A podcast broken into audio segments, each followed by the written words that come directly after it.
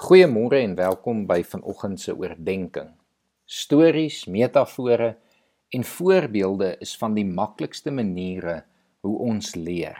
En daarom wil ek vanoggend weer vir ons 'n verhaal voorlees van Jaco Strydom, die vreemde vrou se trane. Die vrou het so gehuil dat ek nie mooi kon hoor wat sy sê nie. Sy was duidelik baie ontstel. Aan die begin van ons gesprek was sy heeltemal in beheer maar later het sy so gehuil dat sy die foon moes neersit. 'n Paar minute later kry ek 'n boodskap waarin sy sê dat sy jammer is. Sy weet nie wat met haar aangaan nie. Ironies genoeg was ek juis by 'n sendingkonferensie toe sy bel. Ek SMS dadelik dat dit met my hart goed gegaan het. Haar oproep was op 'n vreemde manier een van die beste dinge wat die week met my gebeur het. Baie meer inspirerend as die praatjies by die konferensie.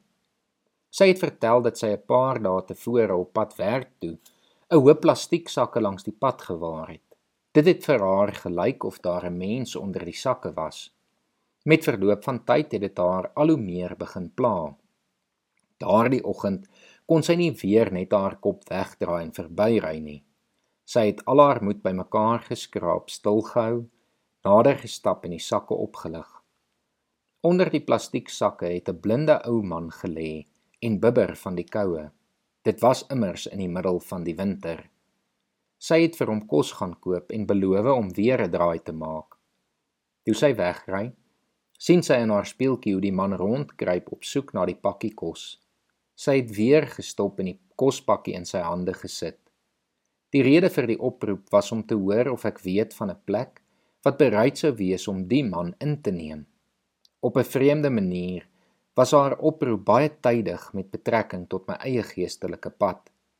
Ek het toe al dae lank elke oggend in my stilte tyd Matteus 5 gelees. Ek het veral gewonder oor Matteus 5 vers 4. Geseënd is die wat treur, want hulle sal vertroos word. Hoe vreemd dit ook al mag klink, haar stikkende hart was vir my 'n duidelike teken dat ek hier met 'n geseënde vrou te doen gehad het. Ek het haar nie jammer gekry nie. Ek het haar bewonder. Die blinde ou man het haar gehelp. Die oomblik toe sy begin treur, het sy ook een van die geseëndes geword.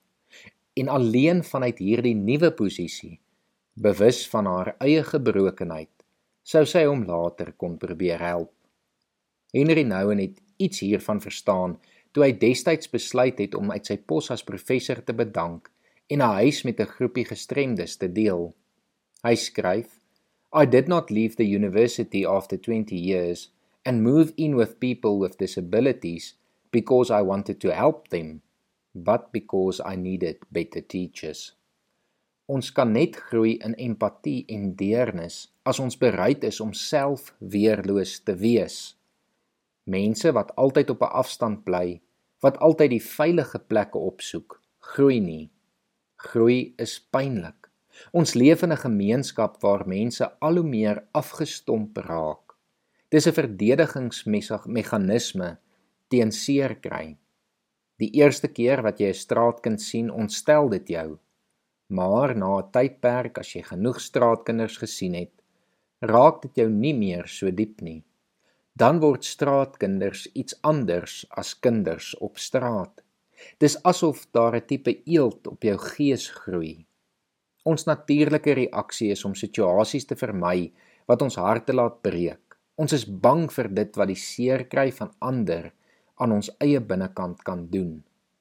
Nouwen sê in sy boek The Wounded Healer, who can listen to a story of loneliness and despair without taking the risk of experiencing similar pains in his own heart and even losing his precious peace of mind. In short, who can take away suffering without entering it? By Jesus kry ons die idee dat ons lewens die meeste sin maak juis wanneer ons toelaat dat ons harte gebreek word, wanneer ons nader aan die nood kom, eerder as om weg te vlug daarvan. Geseënd is die vrou wat huil saam met die blinde oom op straat. Kom ons bid saam. Here vanoggend kom bely ons dat ons nie altyd weet wat om met die swaar kry en die pyn rondom ons te doen nie. Maar Here, die laaste ding wat ons wil doen is om daarvan af weg te draai. Here, ons wil nie net veilig bly nie en daarom kom vra ons dat U ons sal help, Here.